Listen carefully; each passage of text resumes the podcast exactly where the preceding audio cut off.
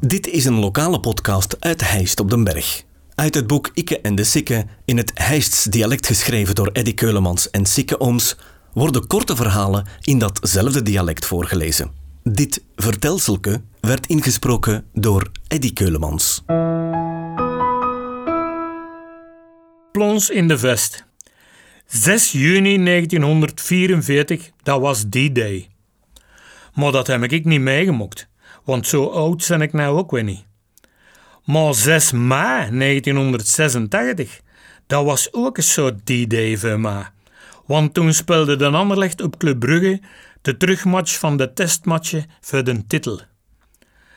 Op het einde van dat seizoen gaan ze allebei 52 punten en 22 matchen gewonnen. Dus er moesten twee bijkomende matchen gespeeld worden. De Anderlecht moest eerst thuis. En in Brussel werd het een mager 1-1 gelijk spelletje. Je kunt pazen dat ik er niks gerust op was voor de terugmatch op de plan van de grote vijand. In het Astridpark was ik natuurlijk gaan zien, want ik ga een abonnement. Maar we gaan geen kaarten kunnen vastkrijgen voor de match in Brugge. En ramp o ramp, dat werd ook niet uitgegeven op de televisie. Want de BRTN had niet genoeg geld op tafel gelegd. Dus lag ik op 6 maart 1986 om 8 uur s'avonds op mijn zetel met mijn radio aan mijn oor geplekt. De match begon en die van Brugge trok het natuurlijk met alle macht ten aanval. En die gaan toen het een en ander van vuist aan Jean-Pierre Papin, Willy Welles en de Cage. Ja, wat een zeg. Na een goed half uur stonden al twee bros van Brugge. Maar vader Zaliger zag op mijn gezicht dat ik niet content was. En die vroeg expres wat een ander licht aan toen was. Toen dat ik op zijn vraag geen antwoord gaf, wist hem direct dat er onhaal in de lucht hing. Met half was het nog altijd 2-0 en volgens Jan Wouters had het nog veel erger kunnen zijn. Ik attrapte een grote zak chips met paprika om mijn bekken te kalmeren, want ik was zo zenuwachtig als maar kon zijn. Ik daverde lekker riet. Ten tweede tijd begon en ik dacht bij mijn eigen, ik blijf hier niet op de zetel lenen. Want dan gaat onze vrouw me nog meer op mijn piet zetten als dat ik erachter niet beterde. Dus ik pakte mijn radio, ik deed mijn sleffers aan en ik vertrok. Voor een wandelingsje las de lange haag via de Loostraat naar de drijf van Toffarime.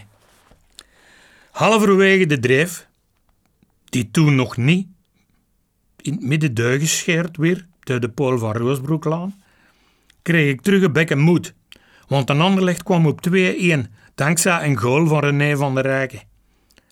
Op ten van de drijf drood ik naar rechts en ik ging op mijn gemakje de verlaten Oorzagenstraat tot aan de boerderij van Lodde Vlemings. Toen kreeg ik nog meer moed, want op de radio werd gezegd dat die van Anderlecht volop in de aanval gingen. Dat werd tijd, dacht ik. Ze biedt verleren me dan nog. Ik ging terug van wat dat kwam en ik weet nog goed, hè. Ik was aan de boerderij van Krummejeff en Lisa en Treske toen dat Stefan de Mol gelijk mokte. 2-2, dan Anderlecht kampioen. Maar er moest nog meer als ik het uur geschot werden. Het werd nog spannender, want de Van der Rijken vlog van de plein.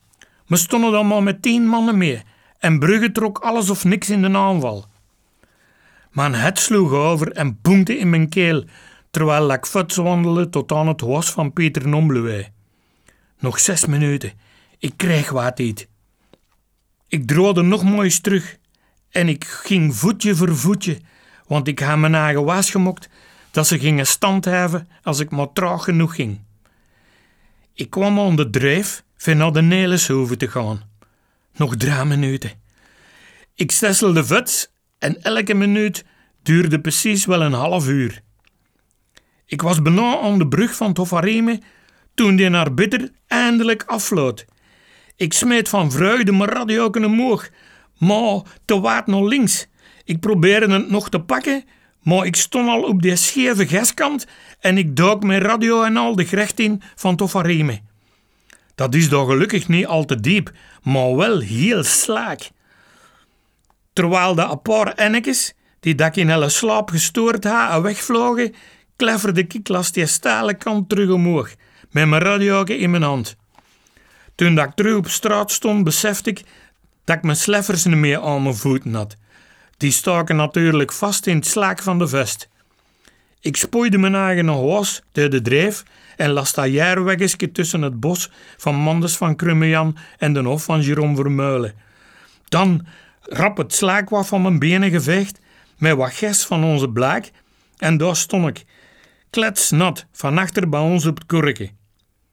Oh wel, van wat kom de ga? En wat zijn hij sleffers? vroeg ons moe. Maar ik was al lang binnengespuurd om triomfantelijk tegen onze vrouw te gaan zeggen dat een Anderlecht toch wij kampioen was. Ik mokte van mijn tek en ik zong het volle best van Allons les mauvais blancs. Maar mijn radioke, dat gaf geen kick niet meer. Deze podcast kwam tot stand dankzij Huisdresselaars en Tropical. Volg de podcast op Facebook. Reageren kan je via de website ditishijst.be slash ikke en de sikke of ikkeendesikke.be.